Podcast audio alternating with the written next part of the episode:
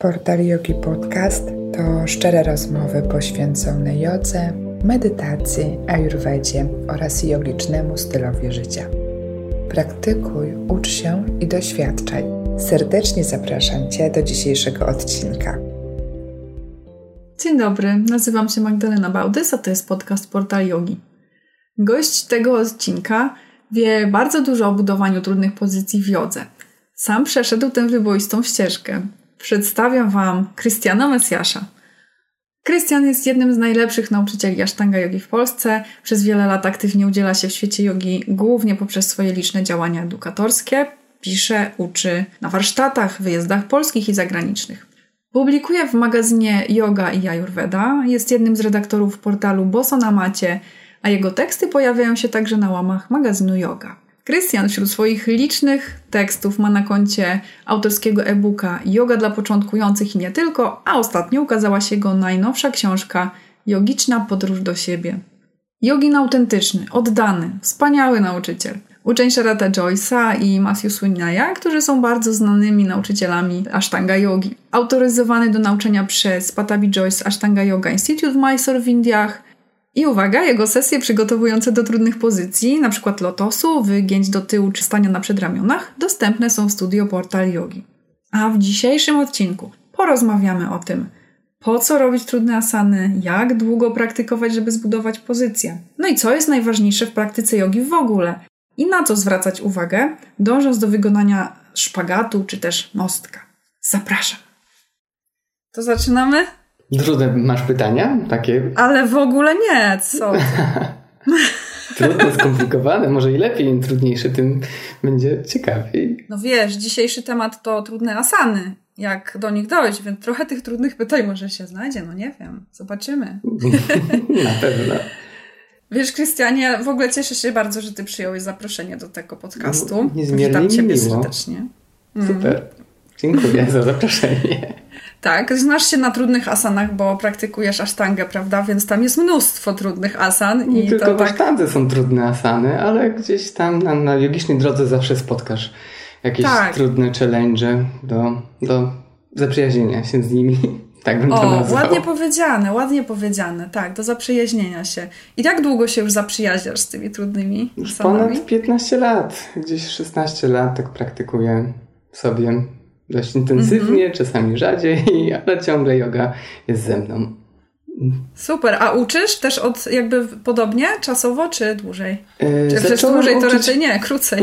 Zacząłem uczyć po pięciu latach gdzieś, wiesz, dość szybko mi się wydaje, ale wtedy tak yoga w Opolu dopiero się rozwijała, raczkowała, nie było nikogo chętnego, więc tak zacząłem bardziej się dzielić e, z moimi znajomymi.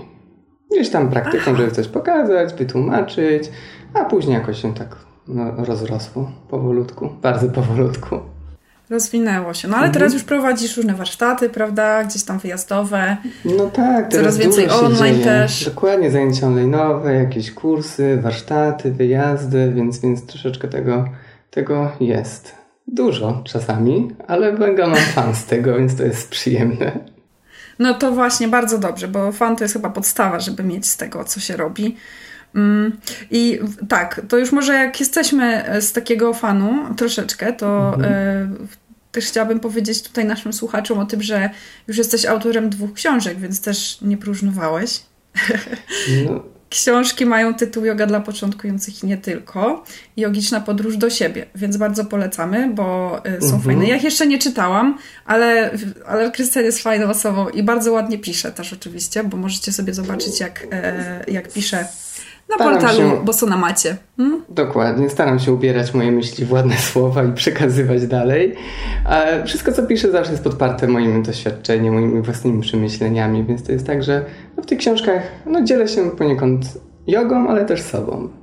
Więc to zawsze jest gdzieś tam z mojej perspektywy. To pięknie. To to może przejdźmy do jakiegoś już konkretu. Konkretne pytanie. na dzień konkretnie od razu na głęboką wodę, bo jakby zastanawiamy się nad tym często, jak ktoś zaczyna jogę. Wiesz, jak często praktykować, jak długo praktykować, i bardzo często się pojawia takie pytanie, żeby zrobić na przykład mostek, albo jak długo ćwiczyć, żeby zrobić szpagat. I w ogóle wiesz, jest na to jakaś recepta, taka, wiesz, że trzeba ileś ćwiczyć w jakichś określonych przerw, y, jakby czasowych y, ramach, żeby coś tam zrobić. Jak ty na to y, patrzysz i jakby, jakie masz doświadczenia ze swoimi uczniami? Więc na początku jest tak, że często osobom zaczynającym praktykować jogę przede wszystkim trudno znaleźć czas na tą jogę. I nigdy nie mówię, że to musi być od razu praktyka 4-5 dni w tygodniu. Fajnie, jak chociaż znajdą sobie pół albo godzinę czasu raz w tygodniu, dwa razy w tygodniu dla siebie, żeby po prostu się zatroszczyć e, o siebie, znaleźć ten czas, tą przestrzeń, bo to jest najtrudniejsze. A w miarę jak łaknienie rośnie, to znaczy jak okaże się, że yoga jest tą fajną praktyką, która ich pociąga, to można sobie dołożyć kolejny dzień zajęć, kolejny dzień, albo po prostu wydłużać troszeczkę sesję o kolejnych kilka, kilkanaście minut. Nigdy nie mówię, że to musi być od razu skok na głęboką wodę, bo to nigdy nie wypali. Jak czasami sobie tak pomyślimy, że na dzień dobry chcemy praktykować 5 dni w tygodniu i zrobimy tylko 3 razy, mamy takie poczucie, że no miałam, miałem inne postanowienie, nie wyszło, nie dałam rady. Jak sobie wymyślimy albo postanowimy, że robimy praktykę dwa razy w tygodniu i zrobimy ją trzy razy, to mam takie poczucie, wow, zrobiłam, zrobiłem więcej niż mi trzeba, niż, niż postanowiłam. Mm -hmm. To jest mhm. takie fajne, motywujące. Więc jeżeli chodzi o częstotliwość, to na początek naprawdę lepiej wybierać krótsze sesje, rzadziej, a dopiero z czasem, jak się rozkręcimy, no dokładę sobie kolejną praktykę w tygodniu. Mhm. A na przykład, jeżeli moim celem jest powiedzmy tam stań na rękach, to yy, jakby jak się za to zabrać, czy to w ogóle jest dobry pomysł, żeby taka osoba początkująca sobie wymyśliła, że jej się podoba mostek, czy tam wstanie na rękach i ona już, och, tak, zrobię to. Tak, to się często pojawia, że ktoś myśli, stanie na rękach, szpagat, nie wiem, noga za głowę, to będzie moim celem, ale to totalnie tak nie działa, ponieważ e, no przede wszystkim jak będziemy pracowali tylko nad jakimiś konkretnymi zakresami czy umiejętnościami, no e, z czasem przeforsujemy ciało, więc naprawdę ta praktyka musi być zrównoważona. Nie możemy się skupić tylko na, skupiać tylko na jednej pracy, tylko musimy no, rozwijać się jakby całościowo, harmonijnie. To jest tak, że wszystkie pozycje asany są gdzieś tam ze sobą połączone. Jedna wynika z drugiej, więc nie możemy tylko się jakby fokusować na jednym konkretnej, na, na jednej konkretnej rzeczy, tylko starać się faktycznie podejść do praktyki całościowo, a jeżeli później poczujemy, że mamy predyspozycje do tych wygięć albo do jakichś balansów, to możemy wtedy faktycznie sobie ułożyć jakąś sesję raz w tygodniu, która będzie się bardziej skupiała na tym aspekcie, tak żeby się motywować po prostu do praktyki, nie? Bo wiadomo, celem jogi przecież nie są szpagaty, nie jest stanie na rękach, ale czasami e, to daje taką dodatkową motywację. Jak czujemy, że to nam wychodzi, że ciało się zmienia, przebudowuje i w ogóle czujemy, że coś w tym zakresie się zmienia, to, to mamy taki większy fan i większą motywację, żeby praktykować po prostu dalej. I to jest fajne. Chociaż nie wierzę w takie, jak to się mówi, challenge, szpagat w 20 dni, stanie na rękach w 20 dni czy inne rzeczy to nigdy tak nie działa, prawda? Ciało, ciało potrzebuje naprawdę dużo czasu, żeby się przebudować, dostosować, zmienić, żebyśmy zrozumieli w ogóle, co tam się w naszym środku dzieje. Więc takie, takie, takie skupienie się tylko stanie na rękach w krótkim czasie, czy inne, wydaje mi się, że to nie działa. Trzeba zbudować naprawdę porządne, dobre fundamenty, żeby rozwinąć się bezpiecznie dalej. Mhm. No właśnie to jest ciekawe to, co mówisz. Ja też takie mam podejście i my właśnie mając w studio Portal Yogi te wyzwania różnego typu, właśnie też jest na przykład droga do mostka albo droga do stania na rękach i to też są takie jakby bardzo nakierowane tematycznie mhm. e, rzeczy. Te sesje są, wiesz, ułożone właśnie, żeby wzmocnić określone partie ciała i tak dalej. I też zawsze to trwa jakiś określony krótki czas. I, I wiecznie są pytania o to, e, ale wystarczy mi ten miesiąc, żeby się tego nauczyć. No i wiesz, odpowiedź zawsze jest taka, że no, no nie, ale rób te sesje co jakiś czas, wracaj sobie do tego wyzwania, nie? Że jednak jakby to jest tylko pewien e, wycinek rzeczywistości takiej, ciała Dokładnie. i mhm. tam trzeba budować więcej troszeczkę, żeby tą e, pozycję uzyskać, nie? Tylko, jak mówisz, że to są takie challenge, e, one pozwolą na pewno krok po kroku zrozumieć, jak wykonać ten mostek lepiej, bezpieczniej, wyżej, nie wiem, ale, ale faktycznie to jest tak, że może tego zasmakować. No i okej, okay, odpuśćmy sobie, niech ciało to zintegruje, niech się wszystko tam ułoży jak trzeba i wrócić do takiego challenge'u za jakiś czas i zobaczyć, jak moje ciało się zaadoptowało do tych, do tych praktyk, które gdzieś tam mm, przeszliśmy przez jakiś czas. Mhm. Mhm. A właśnie wspomniałeś też o tym w ogóle fanie, to bardzo mi się podobało, bo też sama chciałam to powiedzieć, że mhm. te pozycje to one są takimi trochę wisienkami na torcie, takim czymś, co jest właśnie, daje nam ten, y, tą motywację, ten fan z praktyki, bo to oczywiście jest ciężka praca, nie? I trzeba troszeczkę zbalansować to wszystko i mieć troszkę fanu z tego i to pozycje chyba nam to dają, tak myślę sobie. A predyspozycje jeszcze się pojawiło słówko. Dobrze, jeszcze wracając I... do tego fanu, to Aha, praktyka dobrze. powinna nam dawać fan i przyjemność. Nie możemy się zmuszać do tego, żeby praktykować, bo to nie o to chodzi w jodze. Yoga ma, yoga ma nam dawać radość, poczucie szczęścia, zwiększać naszą jakąś taką poczucie sprawczości, czy zwiększać siłę woli. Jak będziemy, będziemy czerpać przyjemność z praktyki, to wtedy ten fan, to faktycznie poczujemy, że ta yoga coś nam daje, coś zmienia w naszym życiu. Mhm. Więc tak, no, tak a propos właśnie. Tego fanu, to musi być naprawdę takie, że nas uskrzydla, że daje nam po prostu kopa, energetyzuje. A Czyli takie... trzeba coś takiego znaleźć, prawda? Bo to chyba nie jest takie oczywiste od razu, bo każdy będzie lubił coś innego, nie? Mm, dokładnie, dlatego jestem bardzo za tym, żeby indywidualizować praktykę, żeby każdy znalazł sobie taki wycinek, oczywiście wszystko brał pod uwagę, ale jakiś taki, nie mówię, żeby się specjalizować w wygięciach, specjalizować w balansach na rękach, czy w innych rzeczach, ale faktycznie znaleźć sobie taki, taki fragmencik, który, który poczujemy, że jest dla nas, się fajnie z nim czujemy. Mhm. Mm. Ale są tacy nauczyciele właśnie, nie? Którzy jakby są bardziej specjalistami w tych wygięciach albo w y, jakichś balansach, jakby, bo, bo to też wynika z ich predyspozycji właśnie, o których Dokładnie. wspomniałeś. To często widuję, że ktoś się specjalnie specjalizuje, tak dziwnie brzmi troszeczkę, no ale wiadomo, że mamy predyspozycję do... Y, do różnego rodzaju asan czy pozycji, ponieważ no, mamy określoną budowę ciała i to zawsze będzie gdzieś tam się odzorowywało w wykonywaniu asan. Po prostu niektóre będą nam przychodziły z większą łatwością, z drugimi będziemy mieli troszeczkę więcej e, problemów. Tylko w jodze jest tak, że nie możemy iść w tą stronę, w którym mamy łatwość, bo to nie o to chodzi. Jeżeli yoga ma być taką praktyką, która nas zmienia, prowadzi do takiej wewnętrznej transformacji, to czasami musimy się zmierzyć z tymi takimi trudnościami, z takim nawet dyskomfortem czasami, jak się pojawia w praktyce, bo wydaje mi się, że to taki ma taka, taką moc sprawczą, czy taką moc zmiany, że faktycznie jak siedzimy w takiej strefie komfortu, jest fajnie, możemy się rozwijać, mamy z tego fan, ale jeżeli musimy przepracować coś trudniejszego, to wtedy zderzamy się z rzeczywistością. Spadamy, schodzimy na ziemię, prawda? I wtedy faktycznie, mhm. E, faktycznie możemy no, pobrać z tych asan jakieś takie nauki dla nas. Pozwalam sobie tu na małą przerwę reklamową. Drogi słuchaczu, słuchaczko, jeśli macie ochotę wpuścić do swojej praktyki jogi powiew świeżości i dodać jej nieco więcej smaku, wiecie, tak jak ta wisienka na torcie, o której wspomnieliśmy, Zapraszamy do studia Portal Yogi. Znajdziecie tam m.in. programy Droga do Mostka, Droga do Szpagatu, Dostania na rękach oraz sesje z Krystianem właśnie przygotowujące do trudniejszych pozycji. M.in. lotos, balanse y, i wygięcia w tył. Mm, no to koniec przerwy reklamowej, a teraz wracamy do wątku.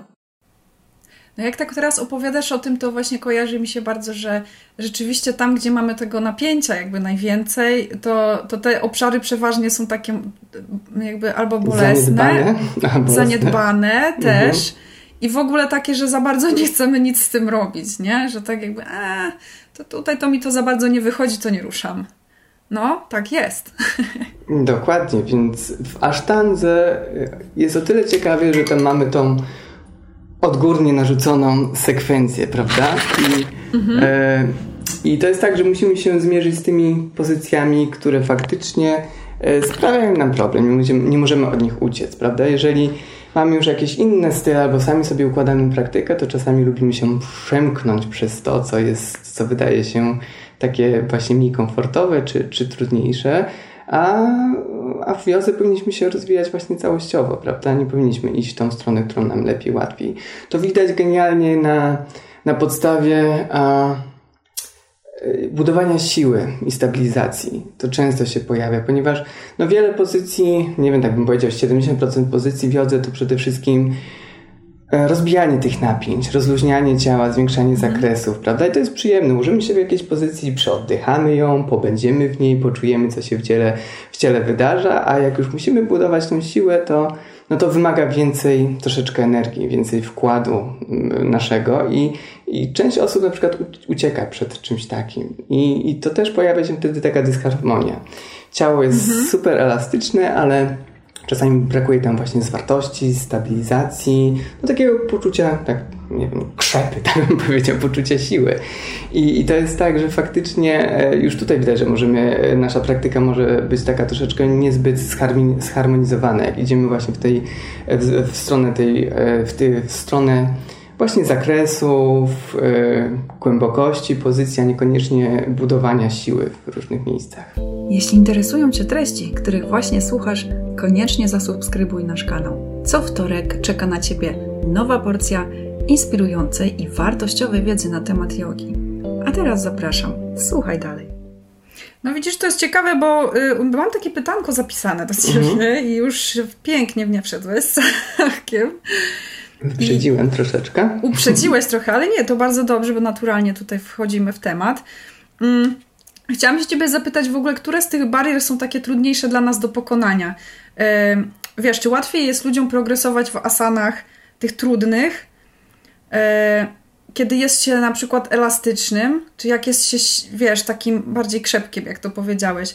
Czy jakby która z tych rzeczy jest większą przeszkodą? Bo ja mam takie wrażenie, że bardzo często ktoś jest taki spięty, przychodzi na tą jogę, taki czuje się drewnem, i on mówi wtedy, że Boże, ja to nic w ogóle nie umiem zrobić na tej jodze, a przychodzi ktoś elastyczny, wiesz, wpada w jakieś najtrudniejsze asany na maksa, świetnie to wszystko wychodzi, ale brakuje mu tej siły. I teraz, która z tych rzeczy jest trudniejsza według Ciebie do przepracowania, jak tak obserwujesz?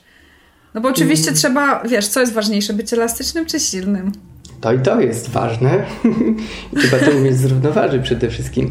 Wydaje mi się, że e, budowanie elastyczności jest trudniejsze, ponieważ, wymaga więcej czasu. Jednak e, mięśnie muszą się zregenerować, ciało musi się dostosować do tych nowych zakresów e, i, i to wymaga troszeczkę więcej czasu. Budowanie siły wymaga więcej więcej siły woli, więcej zaangażowania, prawda? Więc no to jest tak. tak, że to jest jakby inny, inny troszeczkę e, rodzaj pracy, bym powiedział. Ale to nie jest tak, że każdy ma z nas, z nas inne predyspozycje. Po prostu trudno powiedzieć. No, zazwyczaj mówię, że praktyka powinna nas, nas harmonizować. Ktoś, kto jest, jest taki silny, jak to powiedziałaś, drewniany, nabity, no, potrzebuje ewidentnie więcej rozluźnienia, więcej przestrzeni, prawda? Ale właśnie osoby, które są mega elastyczne, no, po co mają pracować nad jeszcze większą elastycznością, jeszcze większą elastycznością? Tutaj potrzeba e, właśnie budowania siły. Ja tu widzę na przykładzie osób, które tak w naturalny sposób mają głębokie wygięcia do tyłu. E, tak beztrosko, bez żadnego wysiłku, mostki, nie mostki, dropbacki i tak dalej. Ale z doświadczenia wiem, że takie osoby wchodzą do takich zakresów szybko, znaczy jeżeli chodzi o czas praktyki i, i, po jakimś czasie pojawiają się jakieś przeciążenia, jakieś dyskomforty, ciało się staje obolałe, no ponieważ nic ich nie stabilizuje, na przykład wygięciach do tyłu, prawda? Więc ja często staram się tak prowadzić praktykę moich uczniów, żeby, żeby to zbalansować. Jak widzę, że jeżeli ktoś robi głębokie, mocne wygięcia, to mówię, no hello, po co ci pracować na razie na takich głębokich zakres, zakresach? Wzmocnij ciało, ustabilizuj kręgosłup, wzmocnij prostowniki grzbietu, żeby tam było, była siła, ponieważ duże zakresy bez stabilizacji mięśni e, będą po prostu przeciążały, przeciążały kręgosłup czy stawy, więc to też nie jest tak, że no, powinniśmy po prostu zrównoważyć to i to jest bardzo, bardzo ważna rzecz. Mhm. Czyli generalnie jak e, sesja jogi dobrze taka y, zaprojektowana powinna zawierać w zasadzie oba te elementy w mniej więcej równych proporcjach, jeżeli prowadzić zajęcia dla wszystkich, prawda? No bo zawsze tak, się na zajęciach trafi mhm. pełen przekrój. Tak, więc to, to tak trzeba wtedy fajnie tą sesję mm, rozkminić, rozkminić, dostosować do całej grupy. To jest niezwykle trudne, bo moim zdaniem yoga jest mega indywidualną praktyką. No widać to przecież na matach, że każdy jest w swoim świecie, w swoim ciele, w swojej praktyce, prawda? Więc tego, to taka indywidualizacja jest po prostu ważna, ważna. Hmm? Mhm. No tak. A powiedz mi, jakie, y, które z tych wyzwań takich, w ogóle jakie można napotkać wyzwania w jodze? Wiesz, jakby, co, co może być taką pierwszą twoją barierą? Przychodzisz pierwszy raz na matę mhm. i co? No to jakby ta rzeczywistość. Jaką pierwszy raz na matę się zderzasz? Skłon do przodu. to będzie pierwsze zderzenie z rzeczywistością. Ja tak miałem na pierwszych moich zajęciach jogi. Poszedłem o. i pierwszy skłon dotknąłem do mm, prawie kostek, mógłbym powiedzieć. Nie? I hello, co to się dzieje przecież? Myślałem, że wiesz, wszystko gra, wszystko fajnie, a tutaj takie pierwsze opory. To jest tak, że no, ta taśmia tylnia, czyli mięśnie dwugłowe, no to to są pierwsza rzecz, zginacze biodrowe, lędziowe, to są pierwsze rzeczy, które no, są zazwyczaj gdzieś przykurczone przez nasz taki siedzący styl życia przede wszystkim. Więc osoba, która tak z marszu wpada na jogę, wydaje mi się, że już może sterzy się z tym. Po prostu ciągnie w tyłach nóg prawda? To widać w psach z głową w górę, e, w dół przecież, mhm. że, że już gdzieś tam nogi są, e, muszą się lekko zgiąć, czy podbija się kość ogonowa, e, rotuje się piwnica troszeczkę do tyłu i, i widać, że już to będzie pierwszym takim wyzwaniem dla osób początkujących. Ale oczywiście w jodze każdy znajdzie jakieś takie, psz, takie no, smaczki dla siebie, prawda? To mogą być pozycje lotosowe. Przecież otwieranie bioder też zajmuje dużo czasu, zanim te mięśnie pośladkowe rozciągniemy, zginacze biodrowe rozciągniemy troszeczkę. To jest tak, że e, że te lotosy mogą być pierwszym challenge'em, mogą być e, stanie na głowie, często dla wielu osób jest taką trudnością i to często siedzi w głowie, bo, bo widać, że fizycznie część osób jest gotowa na to, ale jednak ma jakiś taki nieuzasadniony lęk, lęk przed, przed staniem na głowie. A później to można rozwijać. Są głębokie wygięcia do tyłu, mogą się pojawić gdzieś tam dropbacki, czyli te, te mostki ze stania na nogach. Są różnego rodzaju pozycje balansowe, którymi możemy się bawić, więc naprawdę tutaj jest przekrój mega duży i, i każdy gdzieś tam tam znajdzie jakąś taką trudniejszą grupę asan, y, która faktycznie może być przyjemnością, może być też wyzwaniem. Mhm. No pięknie, właśnie to jest fajne, że yoga daje takie szerokie możliwości, nie? Mhm. Że każdy coś dla siebie fajnego znajdzie. E, właśnie. A jeszcze te bariery, tak, bo właśnie wspomniałeś o barierach fizycznych, nie? No to te bariery fizyczne są jakby oczywiste od razu na macie, już wiem, widzimy co się dzieje. A te mniej oczywiste to takie właśnie trochę jak w tym staniu na głowie że jakby nie wiadomo, co cię blokuje przed tym, wiesz, jakby dlaczego nie, nie mogę stanąć na tej głowie. Jest jakiś nieuzasadniony albo, wiesz, jakieś emocje, albo jakieś tam właśnie nasze lęki. Jakby jest, którego jest więcej według ciebie? Czy takich właśnie jakichś irracjonalnych rzeczy, które nas powstrzymują przed czymś, czy raczej z ciała? To więcej się tego pojawia. Eee, to zależy, jak bardzo ufamy sobie. To też trzeba na macie poznać, ponieważ no, musimy być szczerzy wobec siebie na macie przede wszystkim. No, e, Nikt, nikogo nie oszukamy tylko oprócz siebie. E, tylko, tylko siebie, prawda? To jest tak, że faktycznie, jeżeli porywamy się na pozycje, na które nasze ciało, ciało i głowa nie są przygotowane, no to no faktycznie coś tu jest nie tak. Słuchamy głowy, nie słuchamy swojego ciała. Więc, więc to jest tak, że czasami to ciało może powiedzieć nie, ale czasami zdarza się, że głowa mówi nie. A czasami koordynacja ruchowa po prostu jest jakimś, nie wiem, problemem, żeby opanować coś takiego. E, wiesz, tak jak mówisz z tym lękiem, to często się spotykam właśnie przy staniach na głowie, e, przy, przy drobekach, że no wiem, że mogłabym, ale się boję, prawda? I to jest właśnie, mhm. wydaje mi się, że to jest taki fajny aspekt oswajania tego powolutku. Bo w jodze zawsze mówię, że to jest przygoda na długie lata, to nie jest, to nie jest czas na, znaczy to nie jest miesiąc zrywu, czy dwa miesiące, pół roku, to naprawdę jest długa, długa, długa przygoda. I właśnie to jest takie oswajanie się z tym poczuciem dyskomfortu. E, pojawia się lęk, na przykład w stanie na głowie to jest tak, to nie jest strach, bo strach jest taki, że boimy się czegoś konkretnego. Jak czujemy mhm. lęk, to nie potrafimy go nazwać, scharakteryzować, powiedzieć, co to jest. No i dopada nas podczas jakichś właśnie takich dziwnych, trudnych asan poczucie jakiegoś lęku. No i, i nigdy nie jestem za tym, żeby powiedzieć komuś rób już teraz. Motywuję, zachęcam, e, poeksperymentuj, zrób jakieś przygotowania, pół, pół przygotowania do tego wszystkiego, ale oswajaj się z tym stopniowo. Tak, żeby oswoić ten lęk. Dlaczego on się pojawia, w jakich sytuacjach, jakie są moje reakcje przede wszystkim emocjonalne, mentalne, czy się wycofuję, czy wybucham jakąś złością, frustracją, może płaczem E, zobaczyć, należy właśnie zobaczyć, co tak naprawdę mnie ogranicza, jak, to, jak, jak ja reaguję właśnie w takich sytuacjach na, na takie konkretne asany. I wydaje mi się, że to jest ta, ta wartość właśnie większa jogi. Nie, nie myślimy wtedy o tym, żeby opanować tą pozycję, tylko tak naprawdę mhm. poznajemy siebie, swój charakter, swoją osobowość, swoje cechy charakteru. I to jest takie to jest jakby kluczowe w praktyce jogi. Zawsze, nie wiem, wydaje mi się, że to jest najważniejszym elementem. Nie te pozycje, tylko to, czego nas te pozycje uczą. Mhm. Tak, no ja się z tym zgadzam bardzo. Trudno znaleźć chyba jakiekolwiek źródło, które mówiłoby inaczej, szczerze mówiąc. Mhm. Tak, tak, ten element oswajania się jest ważny, bardzo ważny, ale wydaje mi się też, że jest dużo później na ścieżce się pojawia dla większości osób. Tak, jednak zawsze to ciało najbardziej wiesz, no bo dlaczego przychodzisz na tą jogę? No przeważnie dla ciała. Chociaż dużo osób też mówi, że dla umysłu, żeby się uspokoić, ale jednak jakiś ten aspekt jest taki, żeby trochę, wiesz, uspokoić się, tak? I, i to ciało takie, żeby to wszystko się stało bardziej takie znośne, o, może tak to ujmę. Aspekt fizyczności no, dominuje e, w zachodniej jodze, prawda? No, nie, nie znam wiele osób, które przyszły na jogę, bo chcą się rozwijać duchowo czy wewnętrznie. Jednak to Yoga jest dlatego wspaniała, ponieważ zaczyna od, od, tego, co jest takie materialne, doświadczalne, takie, no takie fizyczne po prostu, a dopiero nad tym nadbudowuje się inne jakby warstwy czy elementy jogi. Zaczynamy od ciała po prostu. Poczuj ciało, pokochaj ciało, zaakceptuj ciało, zrozum ciało, poczuj je, aż, aż nagle zrodzi się coś więcej z tego wszystkiego. Hmm.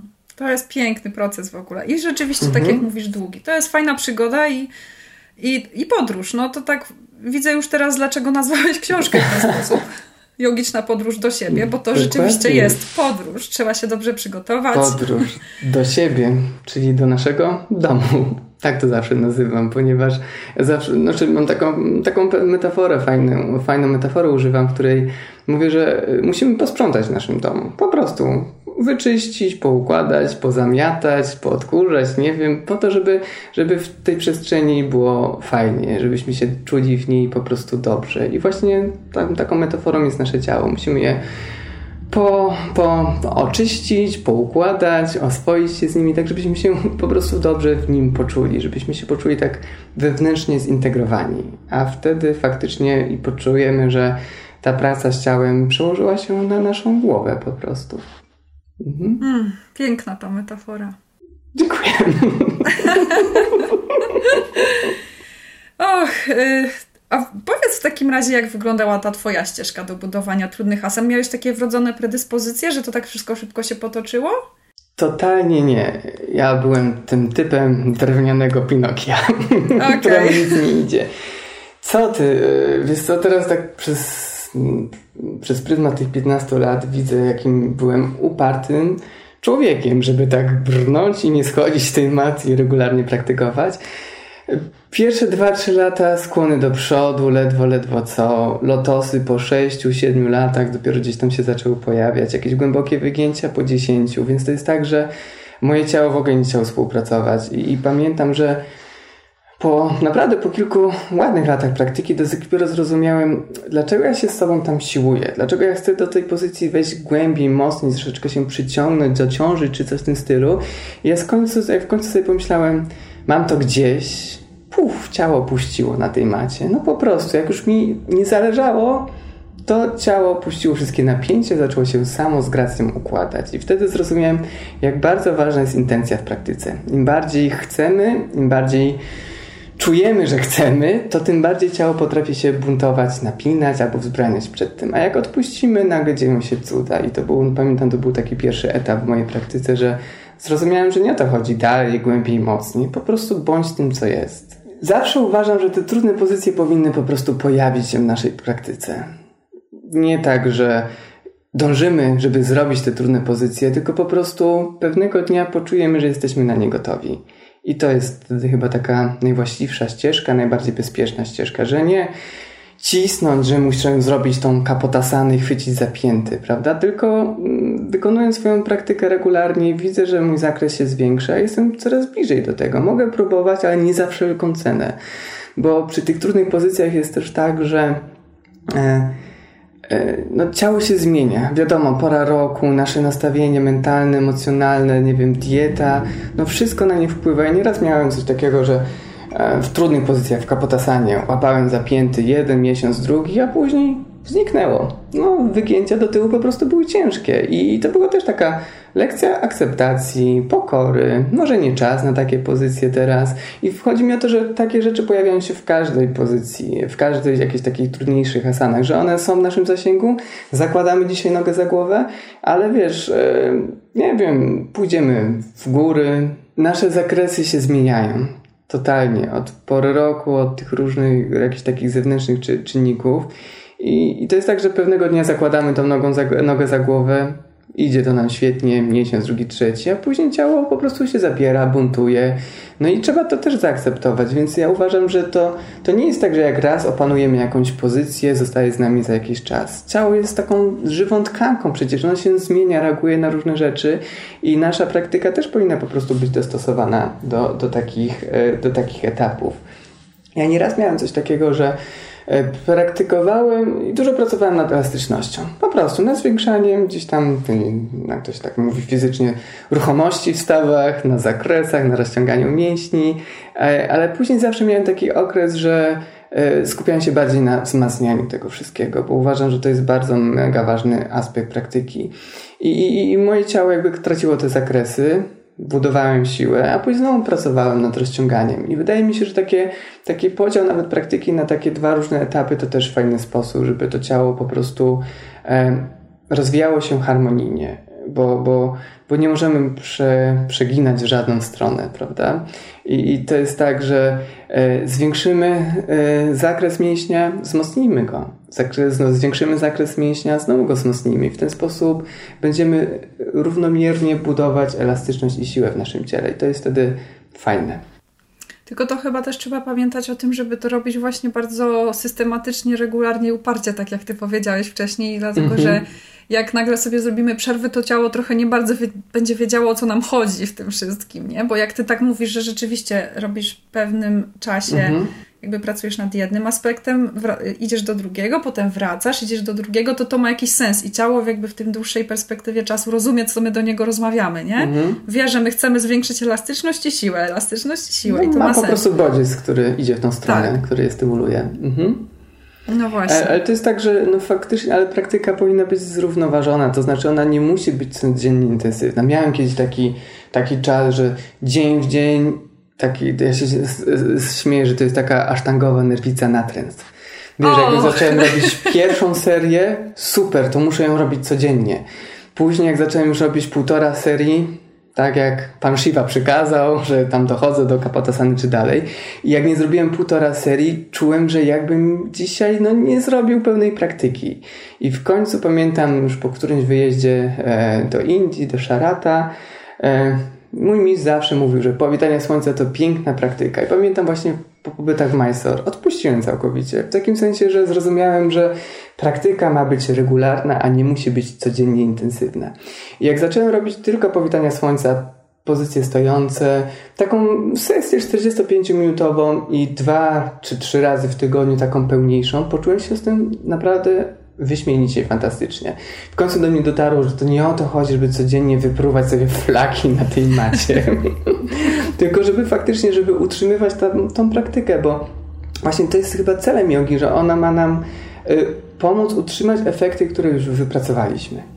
Po prostu. Mhm. A nie, żeby ciągle przejść do przodu, przejść do przodu. Tak pójdziemy do przodu, jeżeli ta praktyka będzie regularna, ale nie musi być intensywna.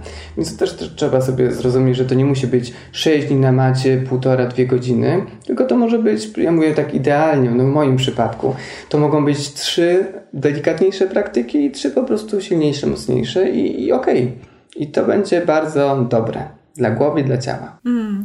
No to tak trzeba to znaleźć dla siebie, mm -hmm. po prostu swoją receptę, bo nie ma jednej. Takiej. Dokładnie. Musimy przejść chyba w praktyce jogi przez różne etapy i zrozumieć, co nam służy i co jest nam potrzebne. Mm -hmm. Tak. Jak, A widzisz. Tak jeszcze, tak wrócę, jeszcze właśnie -hmm. czasami widzę, jak, jak ktoś kończy praktykę i schodzi z tej maty po prostu zmęczony no i mm. to coś jest nie tak po prostu. Najgorzej. Albo źle oddychasz, albo się tam siłujesz mocno z sobą.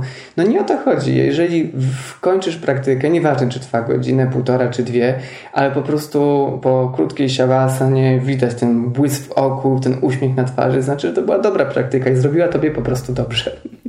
O tak. Mhm. Zgadzam się, podpisuję się rękami i nogami. Ale właśnie powiedziałeś takie słowo klucz tam w pewnym momencie. Um, już zapomniałam aktualnie, ale wiem, jakie pytanie chcę zadać. Mhm. Tak trochę przewrotnie. Bo już tak rozmawiamy sobie o tych asanach trudnych i że je tutaj trzeba robić i tak dalej, jak do nich dojść. A może się ktoś zapytałby, pomyślał, dlaczego w ogóle po co robić te trudne asany? Po co je robić? Mm, no to jest właśnie po co robić te no, trudne asany? Trochę nam się na początku już pojawiło tego, ale można tak. to by było rozwinąć. Wiesz, Wiesz no bo jakby ktoś przyjdzie, tak powie ci, hmm, spoko, Wydaje fajnie. mi się, że to jest e, naturalną konsekwencją regularnej praktyki. No po prostu, jeżeli jesteśmy na tej macie 4-5 lat, robimy lotosy, mamy biodra już w miarę otwarte, no to po prostu mamy ochotę spróbować czegoś więcej, prawda? I, I wtedy pracujemy nad zakładaniem nóg za głowę, prawda? No po prostu jakby jeden zakres rozwijamy troszeczkę większy, ale to ma być tak, nie, że od razu jestem miesiąc czy pół roku na macie i chcę zakładać nogi za głowę. Nie, trzeba przejść jakieś po, prostu etapy podróży i dopiero później wchodzić do tych trudnych asan. Więc te trudne asany tak naprawdę one mają być na końcu, znaczy mają nie na końcu naszej przygody z jogą, ale one mają być jakby konsekwencją tej regularnej praktyki, a nie celem tej praktyki. I to też jest taka wisienka na torcie, bo uważam, że te ciężkie, trudne asany nie powinny być zawsze, za każdym razem na macie w naszej praktyce. One powinny gdzieś tam się pojawić, żeby, no właśnie, żebyśmy się przetestowali w nich. To takie troszeczkę dziwne słowo, ale pamiętam właśnie, ja miałem dużo problemów z kapotasaną, bo jednak ten zakres wygięcia był dla mnie mega, mega, mega trudny. Pamiętam, że e, ja najwięcej pracowałem w Mysore nad nią, e, bo to był taki key, key pose, prawda, że to jest taka mhm. asana, która dopiero jak e, się Może przejdzie... jeszcze Mhm. Krystianie, powiedzmy, co to jest trochę tak taka potasana, bo nie wszyscy być może wiedzą, jak to wygląda. No tak, no y, dobrze. Jakby to jest taki mostek trochę. Mostek to przeważnie wiemy, na... jak wygląda. Tak, tylko na tak. kolanach i na łokciach. Nie? Jakbyśmy robili wielbłąda, tylko ręce przenosimy za głowę i tam o. truptamy, spacerujemy do stóp, żeby się złapać za paluszki, może środek stopy, a może pięty, a niektórzy łapią za łydki, a każdy ma inaczej. O, wow. Ale jest to taka pozycja takim dość mocnym wygięciem. I ja pamiętam dużo frustracji we mnie. Pamiętam takiej, e, dlaczego mnie szara trzyma w tej pozycji, już łapie za tej stopy, już łapie za te pięty i pamiętam tyle jakby złości, frustracji, że już to robię dwa miesiące, pierwszy rok, robię dwa miesiące, drugi rok, już trzeci przychodzi, dalej mnie trzyma na tej pozycji i pamiętam, że to było takie takie właśnie przepełnione jakby frustracją, złością, rozczarowaniem, już takim negowaniem, po co ja tu w ogóle jestem. I pewnego dnia po prostu, jak mi przestało zależeć, ta pozycja zrobiła się tak mega przyjemna i wygodna, że wow. więc, więc to znowu pokazuje, że im bardziej chciałem, im bardziej się na niej fokusowałem, tym mniej byłem chyba w niej spokojny. Jak odpuściłem, ta pozycja po prostu stanęła za mną, e, przede mną otworem i, i Szarat po prostu puścił mnie tam dalej do kolejnych asan. E, więc te pozycje takie trudne, one są potrzebne, bo e, poniekąd my się zderzamy z sami z sobą, prawda? Tak jak mówię, ja miałem jakąś frustrację, jakąś złość, jakieś rozgoryczenie, poczucie żalu, nie wiem jakbym to nazwał, ale wyszły, pamiętam ze mnie takie rzeczy, które sobie nie zdawałem, że gdzieś tam siedzą i, i nie zdawałem sobie, dlaczego w ogóle siedzą. Teraz już sobie zdaję. Mm -hmm. Teraz ale, ale, wiesz. Tak, ale ta konfrontacja z trudną asaną właśnie pozwoliła mi coś takiego przepracować y, w sobie. Nie, nie, nie na macie, ale gdzieś tam w moich cechach charakteru, prawda? No i wydaje mi się, że, że, że są, że każda jakby pozycja trudniejsza będzie miała taki element. Nawet zwykłe stanie na rękę, ono jest osiągalne praktycznie dla większości osób, jeżeli oczywiście dbają o nadgarstki, o stabilizację obręczy barskowej, to tylko pokaże, że ktoś jest na tyle zaangażowany, że faktycznie e, może zrozumieć, że tylko siła woli, dyscyplina, jakby cierpliwość pozwala nam coś, co opanować coś, co wydawało nam się jeszcze jakiś czas temu poza naszym, e, naszy, poza naszym zakresem czy naszymi możliwościami.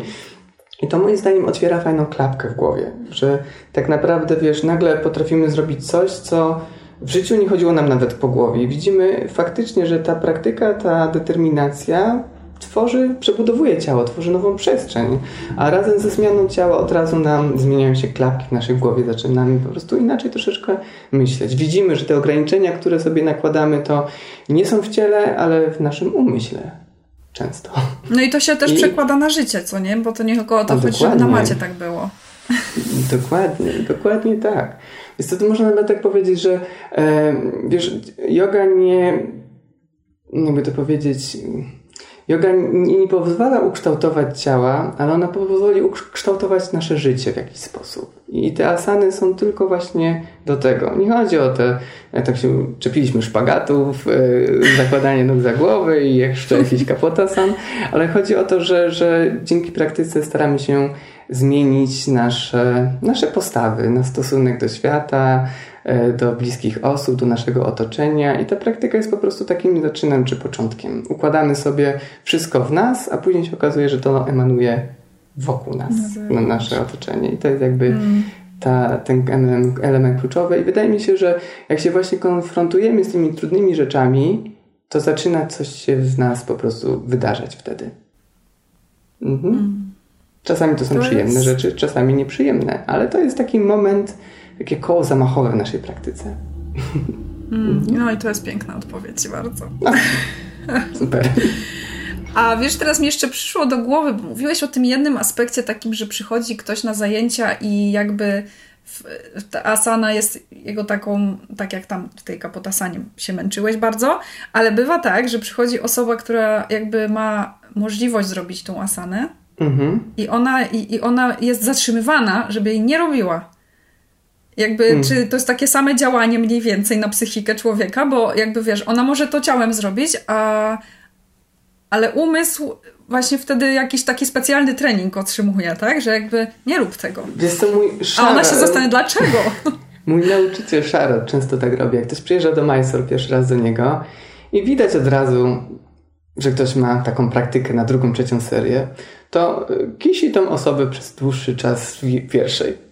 Po prostu, żeby pokazać, że w jodze nie chodzi o tą drugą, trzecią serię, żeby przejść jak najdalej, tylko żeby po prostu regularnie praktykować.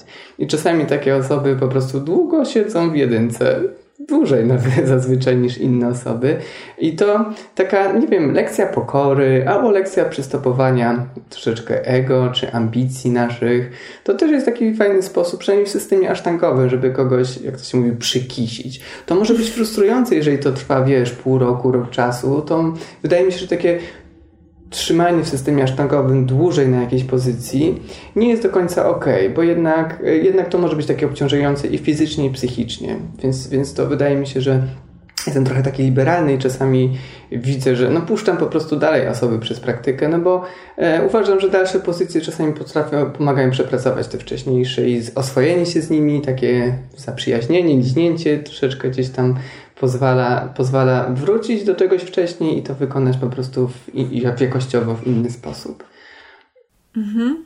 No mm. ciekawe, mm. ciekawe właśnie. Też zastanawiałam Ale... się właśnie nad tym wielokrotnie, dlaczego tak to jest czasami i myślę, że to też jest kwestia nauczyciela bardzo, prawda? Żeby z, co on widzi? Chyba, że czasami, wiesz co, tak z mojego doświadczenia, że widzę osoby, które robią drugą serię, zabierają się za trzecie, a nie mają fundamentów w pierwszej, prawda? Mm. Więc, więc y, to jest takie trudne, bo jak uświadomisz uczniowi, że tak jest, to czasami e, przyzna rację, wróci pokornie do praktyki i pogrzebie w tej pierwszej serii troszeczkę dłużej, ale zdarzają się tacy, którzy po prostu, wiesz, obrócą się na pięcie i pójdą do innego nauczyciela, bo im pozwala robić więcej. Ale wiesz ja to widzę z mojej perspektywy, jak są osoby hiperelastyczne, które faktycznie robią tą drugą serię i widzę, że tam brakuje stabilizacji mocy, no mówię, więcej, wiesz, pracy z mięśniami brzucha, ustabilizuj core, popracuj troszeczkę więcej nad winiasami, żeby wzmocnić ramiona i barki. No są takie rzeczy kluczowe, które faktycznie faktycznie dla niektórych osób mogą się wydawać, że to jest takie ograniczające, ale im zbudujemy lepsze fundamenty na samym początku naszej praktyki, tym bezpieczniej rozwiniemy się dalej. Ale wiesz, to się zrozumie dopiero po jakimś jakimś czasie. Jak, jak, po kieszeniu, jak, po kieszeniu. To po kieszeniu, jak to ważne gdzieś tam na początku było dla nas. Mhm. Ale mm. ta, to ugruntowanie praktyki w takim systemie asztangowym też jest bardzo, bardzo ważne i kluczowe. Mhm. Zresztą praktyka ma służyć na całe życie. To jest jakby główny zamysł, zamysł prawda? To nie o to chodzi, żeby mm. nauczyć się pierwszej, tak. drugiej, trzeciej serii i co dalej. Nie. Odkryj korzyści jogi, praktykując w swoim własnym domu. Wszystko, czego potrzebujesz, to ty, trochę wolnej przestrzeni i dostęp do studio Portal Yogi. W studio znajdziesz mnóstwo sesji i wyzwań online od ponad 50 najlepszych nauczycieli. Z łatwością wybierzesz coś dla siebie i Twoich potrzeb.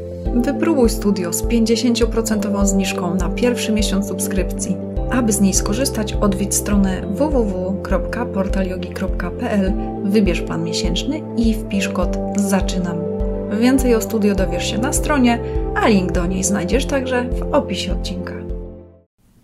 No właśnie, też mnie ciekawi to, jak to jest w tej asztandze, że y, jakoś no bo znam trochę takich osób i one tak sobie siedzą w tej asztandze jedne z nich mówią, że pora z niej wyjść i robić coś mhm. innego i jakby już tak sobie wyluzować i jakby robić po prostu inne zestawy asan zupełnie już nie sztywne. Mhm. A inne mówią, że właśnie nie, że tak trzeba dalej robić, bo po prostu trzeba być na tej ścieżce. I jak, który, który z tych typów przedstawiasz, albo może jakiś pomiędzy coś jest jeszcze? Wiesz co, ja bardzo, yy, bardzo głęboko siedziałem i siedzę w asztance, ale po wielu latach E, zacząłem praktykować też z Matthew Swineyem, wiesz, e, uczyć się sekwencji właśnie księżycowej, sekwencji lwa, sekwencji słońca, takich alternatywnych sekwencji, ponieważ przy uczeniu to mi się bardzo, bardzo przydało, bo wiem jak modyfikować asztangę po to, żeby była dobra dla tych osób, bo są fizyczne ograniczenia, których nie przekroczymy. Zresztą asztanga jest też być może e, trudna o tyle, że niektóre zaawansowane pozycje są bardzo szybko, jak Maricia Sanade, Subta Kurmasana. Są trudne rzeczy, które pojawiają się na,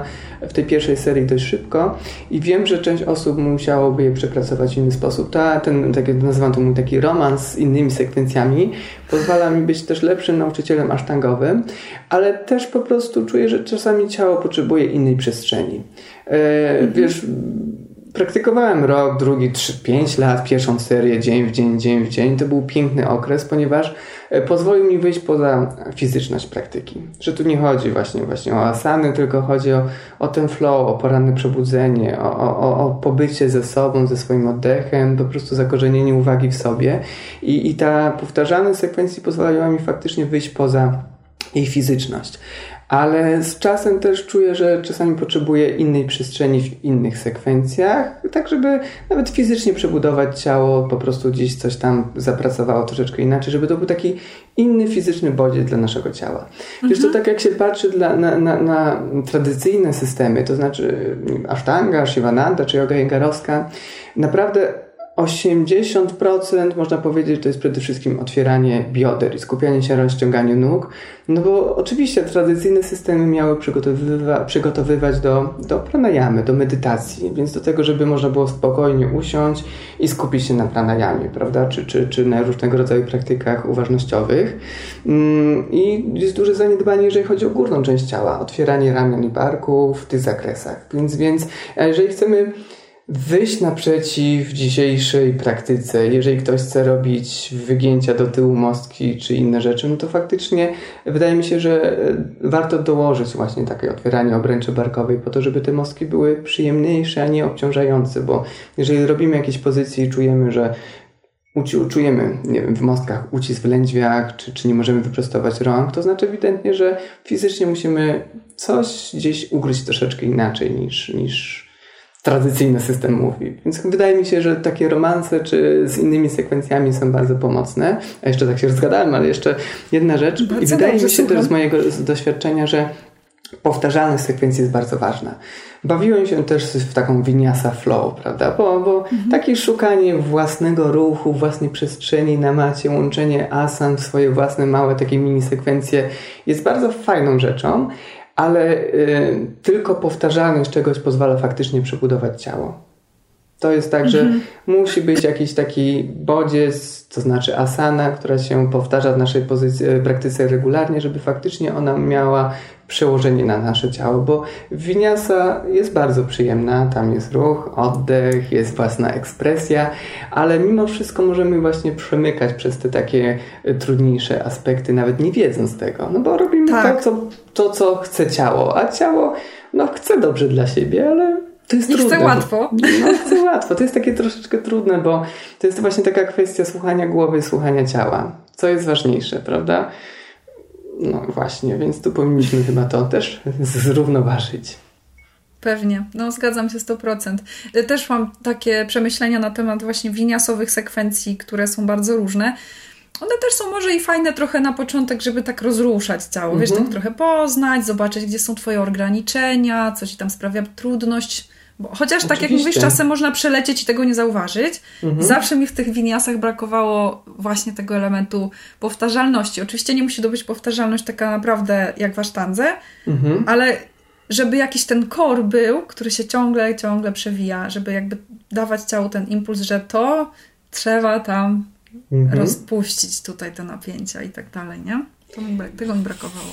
W asztandze mnie to tak zdumiewa zawsze, że no, znam wielu, wielu osób praktykujących asztangę, ale to jest, to jest system, który kładzie, kładzie duży nacisk na indywidualną praktykę. W takim sensie, że znam osoby, które są asztangistami i, i faktycznie potrafią same praktykować jogę.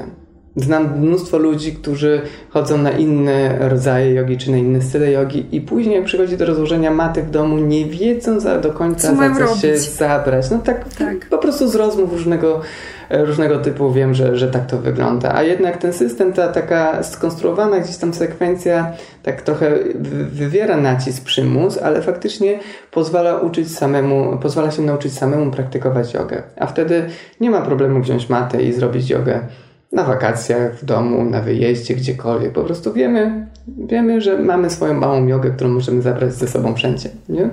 Tak, to jest Ale ja, ja rozumiem totalnie, że każdy z nas jest inny i do każdego przemówi coś innego. Ja nie chcę tutaj, wiesz, gloryfikować, że system asztangowy jest najcudowniejszy, bo on ma wiele ograniczeń, i, ale każdy powinien jakoś wiedzieć, co, co służy mu, co jest dla niego.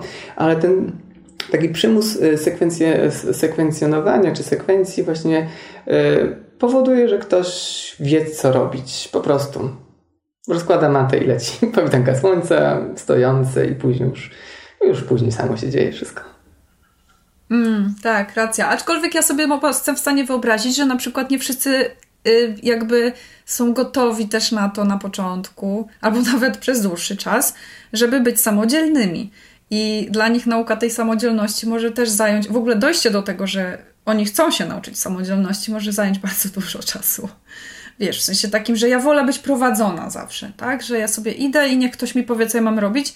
Nie, że muszę wziąć odpowiedzialność za to, co robię Właśnie i za siebie. to, co, Wiesz, o co powiedziałaś, chodzi? odpowiedzialność. My musimy się nauczyć brać odpowiedzialność za to, co robimy na macie, a przez to odpowiedzialność za nasze życie, bo tylko my jesteśmy odpowiedzialni sami przed sobą. I to jest tak, że wiem, że fajnie nauczyciel przeprowadzi przez jedną praktykę, drugą, trzecią, ale tak naprawdę nauczy, uczymy się najwięcej, wydaje mi się, jak sami sobie praktykujemy dla siebie w zaciszu swojego domu. To znaczy, praktyka w grupie z nauczycielem jest mega ważna, ale wydaje mi się, że takie rozkładanie maty i poobcowanie ze sobą bez nikogo też jest takie przyjemne, takie pełne intymności, takiej bliskości, bo jesteśmy naturalni, spokojni, tacy jacy jesteśmy, prawda?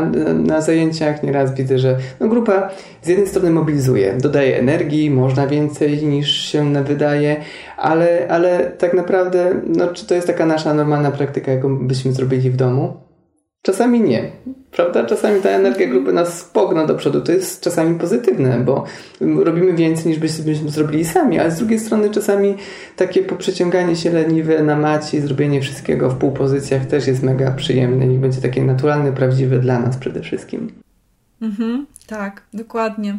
Jeszcze sobie teraz przypomniałam, że w studiu jest taka twoja sesja, która. Ja, ja byłam, wiesz, wiedziałam, że ty jesteś właśnie asztangowcem, i tak sobie myślę, kiedy zobaczyłam tą sesję w studio, którą dla nas nagrałeś, e, ona się chyba nazywała Vinyasa Freestyle, czy jakiś w ten sposób. I ja to zobaczyłam i tak sobie myślę, kurczę, przecież to miała być asztanga. A ktoś się mi tutaj się... zaszufladkował bardzo mocno. No, ale no tak wiesz, tak była moja, moja wizja i obraz, więc jakby moja wina. Ale, Asztangowy y, freestyle, no. Asztangowy freestyle. Ale... Ona jest w ogóle bardzo piękna ta sesja. Jest tak otwierająca całe ciało, ona jest właśnie super, jest skomponowana. No jest przyjemne, takie krótkie 45 minut, ale faktycznie można tam głęboko poruszyć niektóre tak, miejsca tak. w ciele. Mhm. Tak, i jest fantastyczna po prostu. I, i pamiętam to moje zdziwienie, że to nie jest asztanga taka seria. I właśnie troszkę o tym zacząłeś mówić, nie? Że, że już takie szukanie tych, tych różnych ścieżek jakichś innych. I tam to widać w tej sesji bardzo, że ty już masz jakby te super podstawy i na bazie tego jesteś w stanie dodać jakieś elementy jeszcze zaczerpnięte powiedzmy z, z, skądś inąd, że tak powiem i, i wszystko to ładnie połączyć, więc no to bardzo bym życzyła każdemu, żeby tak potrafił. Jest to, to tak właśnie ładnie mówi jeden, jeden z moich nauczycieli, Matthew, o którym wspominałem. On zawsze mówi, że y, dla niego asztanga była takim taką pięknie skonstruowaną symfonią, taką klasyką, prawda? Mozarta, Beethovena czy jakiegoś innego wirtuozy, ale jako jogini powinniśmy tworzyć swoje własne melodie. Nie zawsze będą dziełami sztuki, ale czasami będą po prostu fajnie skomponowaną, skomponowaną muzyczką, która nam wpada w ucho. No i właśnie tak samo jest z takimi sekwencjami, prawda? Warto się nauczyć czegoś klasycznego po prostu, żeby znać no, takie dzieła wielkie jak pierwsza seria czy druga, ale też warto po prostu przygrywać swoje własne melody, czyli tworzyć swoje własne sekwencje czasami, które poczujemy, że się fajnie z nimi czujemy. Mhm. Tak, i tego na pewno bardzo życzymy wszystkim słuchaczom. Bardzo, to, bardzo. to na pewno to, to tylko lata praktyki po prostu, żeby wiedzieć, jak się poruszać na tej macie, na co mamy dzisiaj ochoty, na co dzisiaj nie mamy ochoty i, i, i, i po prostu bawienie się z tym, w tym, tym. Tak, mhm. więc zapraszamy bardzo serdecznie do takiego eksperymentowania, szukania swojej własnej Wydaje mi się, że tak, tak, że to, to też jest tak, że mm, czasami jak już mamy swoją jogę, nie chcemy eksperymentować i to też jest dobre. Po prostu mam swoją ugruntowaną praktykę i tak ma wiele osób asztangowych, że wcale nie potrzebują szukać i grzebać dalej. Po prostu mają swoją, swoją praktykę, mają pierwszą, drugą, kawałek trzeciej serii i jest im z tym dobrze i wcale nie potrzebują kombinować i to jest fajnie, spoko, bo mamy czystą głowę, nie musimy kombinować. A wiem, że jak czasami eksperymentujemy, to też jest właśnie ciężko, bo, bo o trochę winiaski, trochę power yogi, troszeczkę asztangi, troszeczkę i tak nie wiemy do czego przynależymy, czy nie wiemy po prostu, co jak na nas oddziaływuje. Właśnie tak jeszcze przytoczę jakimiś cytatami, tak rzucam, ale właśnie David Swenson tak właśnie, właśnie też porównywał coś takiego do systemu asztangowego, że tak naprawdę siedzenie w jednej metodzie to jak E, jak kopanie wody na pustyni. Jeżeli siedzimy w jednym miejscu i kopiemy, kopiemy, kopiemy, dokopujemy się do życiodajnego źródła. A jak pokopiemy troszkę tu, trochę tu, trochę tu, to naprawdę nie znajdziemy esencji jogi. Więc uważam, że to też jest bardzo ważne, żeby w jakiejś metodzie posiedzieć troszeczkę dłużej. Nie miesiąc, nie dwa, nie eksperymentować, że codziennie próbujemy czegoś innego, tylko żeby faktycznie posiedzieć w jakimś stylu i poczuć, jak faktycznie on oddziałuje. Nie tylko na ciało, ale właśnie na naszą głowę, jak my się czujemy z tą praktyką. Czy, czy, czy mamy więcej energii, więcej żywotności, bardziej klarowne spojrzenie na, na siebie, czy mhm. po prostu no, większa koncentracja, co, co na nas wpływa w jaki sposób. I to też teraz, taki... Tak, i też, też, też, to oczywiście, że ja 100%. Właśnie to teraz y, jeszcze na koniec takie pytanko, jak żeby troszkę y, słuchaczom naszym, y, wiesz, dać pomysł na to, w jaki sposób znaleźć taki swój styl, no bo to jeszcze jakby przychodzisz do jogi pierwszy raz, to nie za bardzo wiesz, co wybrać, to na ślepo wybieranie też bez sensu. Jak, jak byś, wiesz, poradził tutaj, w jaki sposób to znaleźć? To jakby, nie wiem, to musi być jakieś takie, o wow, zakochanie i w ten styl wchodzę, czy jakoś tak wiesz, w jaki sposób podejść do tego? Co, no, mam, jak ty znalazłeś tą asztangę? Nie mam na to pomysłu, powiem tobie szczerze, bo to jest czasami kwestia przypadku. Jak 16 lat temu zaczynałem praktykować jogę, no, nikt nie słyszał o asztance w ogóle. Była tylko yoga jengarowska i też nawet nie wiedziałem, że to jest yoga według metody Ayengara. Po prostu 5 lat chodziłem na jogę, bo tylko taką znałem. Dopiero mhm. YouTube się pojawił gdzieś tam pod koniec lat 90., czy troszeczkę później, gdzieś tam jakieś pierwsze filmiki i to też yoga, ale fajno. I mm, to Wszystko stało się jasne. No tak zacząłem coś tam eksperymentować z jakimiś filmami, które gdzieś tam udało mi się jeszcze piracko pościągać zapewne, ale to było tak, że, że to jest czasami kwestia przypadku. To jest kwestia z kim się zetniemy, z jakim nauczycielem, bo ktoś może pójść na zajęcia sztangowe i, i pokochać tą praktykę już. Ktoś może pójść i powiedzieć w ogóle to nie dla mnie, wolę coś spokojniejszego, bardziej zrównoważonego, zrównoważonego, to jest ok. Ale równie dobrze może ktoś pójść do jakiegoś nauczyciela, którego nie poczuje. Może by się tak. zakochał w asztance, a jednak z tym nauczycielem i z jego sposobem prowadzenia zajęć, czy, czy, czy korygowania, czy jakimiś wskazówkami ktoś się nie czuje fajnie i nie, nie polubi asztangi. Więc to jest naprawdę, uważam, że to jest czasami taka kwestia przypadku Ale teraz mamy właśnie dostęp, tak jak do portalu jogi, czy do jakichś filmów, że możemy no, po, pogrzebać w internecie i zobaczyć, co nam by bardziej pasowało. Czasami możemy zrobić taki clubbing jogowy i po prostu przetestować jedną szkołę, drugą szkołę, trzecią szkołę i zobaczyć, gdzie, by, gdzie czuliśmy się najbardziej, e, najbardziej ok, w którym miejscu było najbardziej fajnie i, i posiedzieć w tej szkole po prostu dłużej z jakimś konkretnym nauczycielem. To tak uważam, mhm. że też jest ważne. Właśnie też po pobycie z nauczycielem przez dłuższy czas, bo jednak jak ktoś jest nauczycielem, wydaje mi się, że no, przeszedł pewną ścieżkę i wie, gdzie ona prowadzi i potrafi tą osobę poprowadzić. Mówię nie za rączkę, ale tak popchnąć troszeczkę do przodu albo powiedzieć nie tędy, tylko idź tędy, będzie tutaj szybciej, to bardziej wyboisto, ale faktycznie gdzie chce kogoś przez tą praktykę w jakiś sposób e, przeprowadzić. Więc to jest tak e, z jednym nauczycielem, a jeżeli poczujemy, że potrzebujemy czegoś w życiu nowego, innego, no, no zróbmy mały romans. Albo wrócimy pokornie, albo zakochamy się w czymś innym. No, no bądźmy wolni w tym wszystkim, a nie ograniczajmy się w żaden sposób, bo yoga to wolność. Moim zdaniem to jest kluczowa rzecz. Ona ma nam dawać przestrzeń w ciele i w głowie, a nie nas ograniczać i zniewalać. Przecież to było chyba najbardziej paradoksalne. Mm, tak, pięknie. To jest idealne zakończenie. Tego bardzo Wam wszystkim życzymy. Ja Tobie, Krystianie, przepięknie dziękuję za rozmowę. Mam nadzieję, że jeszcze może kiedyś wrócimy. Ja również bardzo dziękuję. No chyba moglibyśmy tak sobie rozmawiać długo, długo tak. Radzę, więc to jest tak, że tyle jest ciekawych wątków do, do przemycenia, do poruszenia, że moglibyśmy naprawdę spędzić dużo, ale mam nadzieję, że nasza rozmowa będzie po prostu inspirująca dla innych joginów i joginek. O tak, więc... także zapraszamy na jogę. Tak, trudne asany są przed Wami, ale niech one będą tylko jakby jak mają się przydarzyć na naszej ścieżce jogicznej, a nie mamy do nich dążyć. O, taki, takie przesłanie chciałbym zostawić na koniec. Pięknie. No widzisz, nawet nie musiałam pytać. Jest przesłanie. Dziękuję Ci cudownie. Dziękuję pięknie za tę rozmowę. To do usłyszenia, do zobaczenia. Dziękuję Ci za wysłuchanie dzisiejszego odcinka. Zaproś jogę do swojego domu, dołączając do studia Portal Yogi. Znajdziesz tam setki praktyk jogi, a także różnych wyzwań. Wszystko to prowadzone przez najlepszych nauczycieli. Praktykuj, ucz się i doświadczaj jogi. Dołącz do nas. Więcej informacji o studio Portal Yogi znajdziesz w opisie odcinka.